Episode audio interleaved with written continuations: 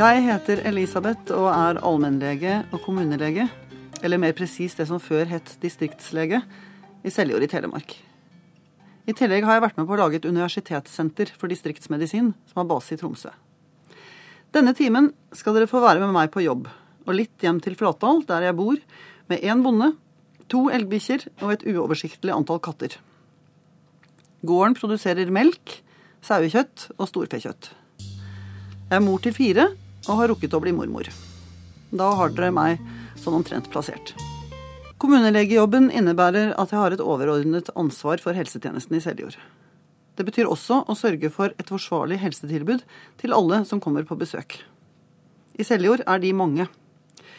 Nordmenn elsker festivaler, og Seljord har fått renommé som en festivalbygd. Det er for så vidt ikke noe nytt, fra gammelt av har Seljord arrangert landets eldste og største fesjå, Dyrskund. Vi kan lage fest. Om sommeren avløser det ene arrangementet det neste. I løpet av noen korte sommeruker er vi vitne til en fargerik, mangfoldig folkevandring av ulike stammer som slår seg ned hos oss noen dager og setter sitt preg på bygdebildet. Titusener kommer for å danse swing, prise Herren, snakke Islands hest og ikke minst håre countrymusikk. Dyrskueplassen byr på kulturelt mangfold på høyt nivå, men ikke det man tradisjonelt kaller høykultur. Hvem skal forresten bestemme hva som er høyt, og hva som er lavt? Min egen hypotese er at alt som er spennende og nytt her i verden, kommer fra utkantene. Enten bokstavelig eller i overført betydning. En av mine favorittartister er nettopp en som gir blanke i kategorier, rangeringer og grenser. Stian Karstensen og hans band Farmers Market spiller en musikk som sier noe sånt som Verden er kaotisk og rik. Det er bare å forsyne seg og gjøre det man finner, til sitt. De som gjenkjente Carolas Grand Prix-låt fra 1983, har helt rett. Dette var en slags crossover-versjon av Fremling. Den fremmede, ville den vel hete på norsk. Jeg kom selv som en fremmed hit til Vest-Telemark for en generasjon siden. Nå er jeg gammeldoktoren i kommunen. I 30 år har jeg delt de fleste hverdagene mine, og ganske mange helger og netter, med folk som har kommet med store og små problemer. Bedt om råd, eller bare villet dele en historie under fire øyne. Det er et privilegium. Samtidig får jeg et spesielt forhold til samfunnet rundt meg, fordi jeg forvalter så mange hemmeligheter. Kjenner medaljens baksider, og får innsyn i sånt som folk ikke akkurat setter i utstillingsvinduet. Jeg er opptatt av overlevelse. Det skulle bare mangle, tenker du kanskje.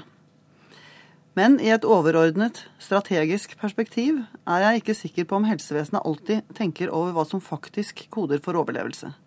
At folk skal greie seg. At vi skal huske at vi er laget for å tåle mye mer enn de fleste av oss utsettes for. Selv om mye er trist og tungt. Noen ganger tenker jeg at helsevesenet lever av problemer og bekymringer det selv har skapt. At vi lager sykdom av sånt som bare er som det er. Uunngåelige kriser, oppbrudd og utfordringer. Folk klarer stort sett det de må. Jeg er oppvokst på det som Alf Prøysen kaller feil side ta Mjøsa, på Gjøvik. Jeg er glad i Alf Prøysen. Han visste mye om livets brutale regnestykker, og tar alltid parti for de svake, uten å gjøre dem ynkelige. Han skriver om de som må greie seg selv, som ikke fikk noe gratis, men som møter verden bratte i nakken og skjønner at de får trøste seg selv om ingen andre gjør det. Oppbruddet fra barndomshjemmet er vondt, men uunngåelig, da som nå. Foreldrene i sangen gjør så godt de kan for å forberede den unge sønnen på voksenlivet. Men én ting har de ikke nevnt, det sitter han og er glad for. Det er rare som en veit skal skje, men ikke tør gi navn. Kanskje er det ikke alt som skal snakkes om. Evnen til selvtrøst og selvhelbredelse er undervurdert av oss som lever av å hjelpe. Prøysen leverer et poetisk, men presist spark til alle oss som er så ivrige etter å snakke om, ta hull på og åpne opp. Gutten med beljespillet drømmer om kjærligheten, selvsagt. Gjør ikke alle det? Å nærme seg voksenlivet er forbundet med angst og beven, håp og forventninger og alle må finne veien selv. Mon tro hvordan det hadde gått med en Bjarne Bogerudbakken hvis han hadde blitt fanget opp med vår tids anbefalte verktøy for psykisk helse hos barn og unge Har han angst? Er han deprimert? Kan han som ung gutt nok om seksualitet? Skal han kanskje snakke med psykolog om hvordan det var å reise fra mor og far og katta? Ingen velmenende helsearbeider kan forebygge eller ta brodden av den betydelige risikoen det er å tråkke ut i livet og gi seg hen. Heldigvis. Jeg kom selv som en slags urbant anlagt eksilant til Vest-Telemark for en generasjon siden. Av kjærlighet til en mann, selvsagt. På damers vis. Jeg, som i tenårene så for meg et litt hippieaktig liv uten mer enn det jeg kunne ha i ryggsekken, havnet på slektsgård der langsiktig forvaltning av eiendom og produksjonsmidler er oppdraget. Hva er det rareste du har gjort for kjærligheten? er et av de faste spørsmålene i A-magasinets ukentlige minitportrett av kjente mennesker. Hva folk gjør? Hadde jeg bare ikke hatt taushetsplikt. Svaret er vel at menneskene, folk i alle aldre og av alle kjønn, er villige til å gjøre nesten alt for å bli elsket. Noen ganger halsbrekkende saltomortaler, der gevinsten på ingen måte står i forhold til innsatsen, men det er slik det ter seg for utenforstående. Som lege for folk over tid er det jo nettopp disse skjelvende livsprosjektene jeg blir innvidd i og rådspurt om. Bonden jeg deler bord og seng med, stiller seg uforstående til at noen går til lege med den slags. Jeg tar det som en tillitserklæring at de kommer. Nei, jeg er så visst ingen ekspert på livet. Ikke gi jeg så mange råd heller, kanskje tvert om. Å sitte stille og lytte kan ofte være legearbeid godt nok. Noen vil bare ha et fortrolig vitne til sin lykke eller sin ulykke. Kjærligheten er et risikoprosjekt. I'll forsake them all and go with you, synger de nordengelske søstrene med det merkelige navnet The Unthanks. De synger på et engelsk som iblant høres nesten ut som en norsk dialekt. Det ligger mange genetiske og kulturelle spor etter våre forfedre på den andre siden av Nordsjøen. Apropos kjærlighet. Man trenger ikke så mye kjærlighet for å spre genene sine, akkurat. Det er jo også en erkjennelse man som lege må ta inn over seg. Eller som en kollega i trøndelagstraktene pleier å si, det er fort gjort, ja. Som sagt får jeg oftere enn de fleste se den stygge baksiden av medaljen. Etter så mange møter med mennesker i krise er det klart jeg har måttet forholde meg til mye av det verste i folk ikke minst konsekvensene av det verste. Jeg synes det er et mål som lege å alltid nærme seg med den samme grunnholdningen. Nysgjerrig, profesjonelt og empatisk. Det skal gjelde alle som søker meg, både overgriperen og offeret. Som min kloke far pleide å sitere, jeg er et menneske, og intet menneskelig skal være meg fremmed. Han var også den som stadig gjentok for oss, og ikke minst til seg selv, at det er bedre å tenne et lite lys enn å forbanne mørket. Siden dette er min lille time i eteren, skal jeg spille det musikkstykket han elsket mest av alt. Jeg håper at de kan få inn P2 også i det hinsidige. Ondskap er et vanskelig begrep. I den grad jeg har møtt noe som ligner ondskap i de menneskene jeg selv har lært å kjenne, er det i forlengelsen av det der med det relasjonelle risikoprosjektet. Krenkelser, skuffelser som blir til raseri, uhåndterlig sjalusi som går av skaftet. Å by seg frem for et annet menneske eller for hele verden, og så bli avvist eller ikke tatt kjærlig imot, er det som rammer oss verst. De fleste finner en måte å trøste seg selv på. Men det er noen det går helt galt for. Vi har fått det på storskjerm det siste året. Få blir heldigvis mordere. Langt flere gjør skade, synlig eller usynlig, oftest på dem man prøvde å elske eller håpet å bli elsket av. Det går an å forstå sånt uten å legitimere det. Jeg tror jeg vil gå så langt som til å si at det er viktig å prøve å forstå hat, hvor det oppstår, og hva det får næring fra. Her kommer en morsom, men grusom sang om en mann som begynner å lure på hvorfor den ellers så mannevonde bikkja hans ikke bjeffer når en bestemt fyr kommer på besøk. Dette er Musikkdoktoren Dr. John med en intens, paranoid, maskulin sjalusiblues, The New Orleans Way. Helsevesenet har en tendens til å overvurdere sin egen betydning. Vi har fått det for oss at medisinfaget gir oss en slags rett til å mene veldig mye om hvordan folk burde leve. I tillegg gir vi ofte inntrykk av at vi har virkemidler som kan reparere alt som har gått galt. Verdien av å trene, slutte å røyke og spise sunt er selvsagt godt underbygget. Men hvordan kan vi være så sikre på at alt kommer til å gå så mye bedre? Og er det slik at den personen som sitter foran meg, har bedt meg mene noe som helst om hva han spiser, eller hvor mye hun røyker? Hvis det er sunt, så er det hjemlet, sa salige helsedirektør Carl Evang i sin tid. I vår tid, altså i 2012, foreslår helsemyndighetene å lovfeste at fastlegen din har plikt til å gripe inn hvis han eller hun mener at du lever sånn at du har økt risiko for å bli syk. En kollega, hvis navn ikke skal nevnes her, laget for mange år siden en såkalt nullvisjon for sin kommune. Ingen av hans pasienter skulle dø av hjerteinfarkt eller hjerneslag. Han mente på ramme alvor at et eksempel på tiltak kunne være å gå i matvarebutikken og se hva folk puttet i handlekurven, for deretter å snakke dem til fornuft. Som ganske fersk lege møtte jeg selv opp på et lokalt gammeldansarrangement sammen med mannen min, altså som privatperson, bare for å hygge meg. Folk i alle fasonger danset og hadde det fint. I pausen var det et overdådig kakebord, sånn som de bare kan på bygdene. En litt rund dame som hadde vært hos meg på kontoret med sukkersyken sin, ble stående ved siden av meg. Nei, huff, jeg skulle vel ikke eta slikt, jeg, sa hun unnskyldende mens hun prøvde å arrangere servietten sin slik at den dekket det hun hadde forsynt seg med.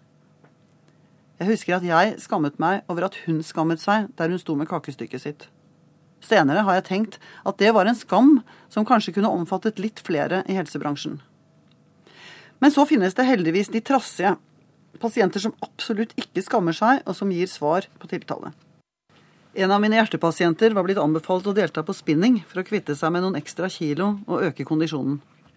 Han kom opprørt til meg. Ikke faen om jeg trør på en sykkel som sitter fast i gulvet.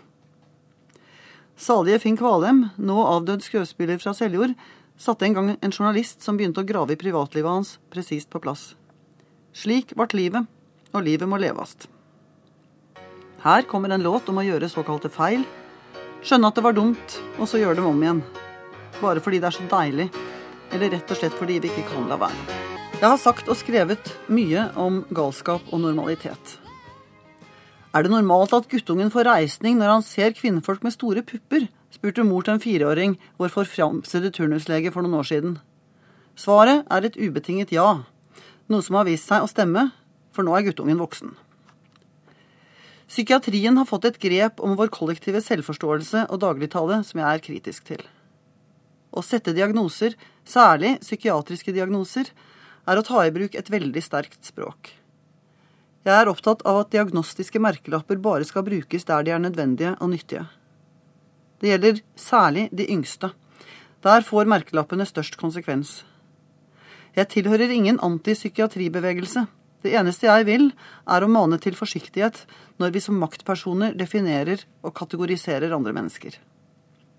Diagnoser kan være nødvendige for at pasienten skal få riktig behandling og de rettighetene som følger med sykdom i vårt velferdssamfunn, men slett ikke alltid. Uansett bør det ikke være slik at det bare er sykdomsnavn som utløser omsorg og hjelp. Antagelig opptar det med diagnoser i utide meg ekstra mye fordi jeg har levd tett på alvorlig psykisk sykdom mesteparten av mitt liv, både som doktor og privatperson. Det er et poeng at hvis det går inflasjon i det psykiatriske språket, så står de sykeste i fare for å drukne i støyen. De som trenger det mest, skal ha mest og best hjelp. Jeg har sett psykiatrien på sitt beste og verste. Få er mer takknemlige enn meg og mine for at det finnes kloke, kunnskapsrike og tålmodige hjelpere og skjermede steder der det kan være godt å komme når verden går i ball eller i svart. Men jeg benytter enhver anledning, også denne, til å minne om at diagnoser ikke kan brukes til å skille mellom smarte og dumme, snille og slemme, verdige og uverdige. Skillet mellom normalitet og galskap er flytende og avhengig av øynene som ser. Mikael Wie har skrevet den såreste og sanneste sangen om akkurat dette, han skrev den etter et spilleoppdrag på et psykiatrisk sykehus. Norge er et bondeland. Landbruket er selve livsnerven både i overlevelsesprosjektet og i kulturen vår. Jeg kom til Bygde-Norge med fordommer jeg ikke visste at jeg hadde. Nå gjenkjenner jeg dem raskt hos andre. Det er som om det blir ekstra viktig for et land uten noen egentlig bykultur å markere ekstra tydelig avstand til sitt opphav. Fortsatt lever ideer om at folk på bygdene er litt dummere, at bønder lever av statlige overføringer, og at bygdekulturen er litt fattigere på uttrykk enn det som oppføres på scenen i hovedstaden. Jeg kjenner folk som irriterer seg over synet av rundballer ute, altså det fôret som norske husdyr lever av om vinteren. Og ingen elsker rovdyrene høyere enn de som aldri har hatt befatning med konsekvensen av å ha dem innpå seg. Mens jeg sitter her og prater, er bønder over hele landet ute på jordene sine, travle med alskens landbruksmaskiner. Eller de ser til dyr på beite. Eller de driver med klargjøring av fjøs og uthus for en ny vintersesong som kommer tidsnok. For bønder i nord, i verden, er den lyse, intense sommeren vår ensbetydende med tilsvarende høyintensiv arbeidsinnsats og nervepirrende værmeldinger. Når meteorologene melder pent varmt vær tredje uka i strekk til feriefolket, hører bøndene tørke og avlingssvikt. Og likevel, ingen yrkesgruppe jeg har møtt, elsker jobben sin høyere. Ingen er mer utålmodig forventningsfull enn en bonde om våren. Vidar Sandbekk var en bygdedikter som skrev den vakreste sommervisa av dem alle. Den går med en særlig hilsen til min egen fornøyde, hardt arbeidende bonde. Det er han som også gjorde meg oppmerksom på historien om da NRK skulle intervjue Vidar Sandbekk. Sandbekk hadde havnet øverst på norsktoppen, og et fast programinnslag var et direktesendt gratulasjonsintervju på telefon. Da Norsktoppen ringte til Vidar Sandbekk, var det kona de fikk på tråden. NRK framførte sitt budskap, og kona gikk for å hente prisvinneren. Etter en kort stund kom hun tilbake og sa at mannen hadde ikke tid til å snakke med NRK, for han drev på og hogg ved. Det er på tide å takke for oppmerksomheten. I likhet med bonden tenker jeg at mitt oppdrag i verden og i lokalsamfunnet er å bidra til et fellesskap som skal holdes i hevd og berikes. Iblant er det en kamp mot sterke krefter som er mer opptatt av penger enn av godt fag, som er mer opptatt av egeninteresser enn pasientenes, eller som undergraver det ganske skjøre velferdssamfunnet vårt gjennom ansvarsløs bruk av felles ressurser. Jeg tror den tradisjonelle distriktslegen i moderne format kan representere en slags sunn fornuft som også peker fremover. I boken A Fortunate Man, altså En heldig mann, er hovedpersonen en familiedoktor som vier hele sitt liv til pasientene i et lite engelsk lokalsamfunn. Jeg vil avslutte med å gjøre hans ord til mine. Noen ganger lurer jeg på om jeg er den siste tradisjonelle bygdedoktoren, eller om jeg er en doktor for framtiden sier John Sassal, før han legger til Kan man være begge deler? Selv vil jeg ubeskjedent håpe at det jeg driver med, er bærekraftig og peker framover. Og jeg føler meg i alle fall selv også som en heldig dame. Takk for skiftet, og riktig god sommer.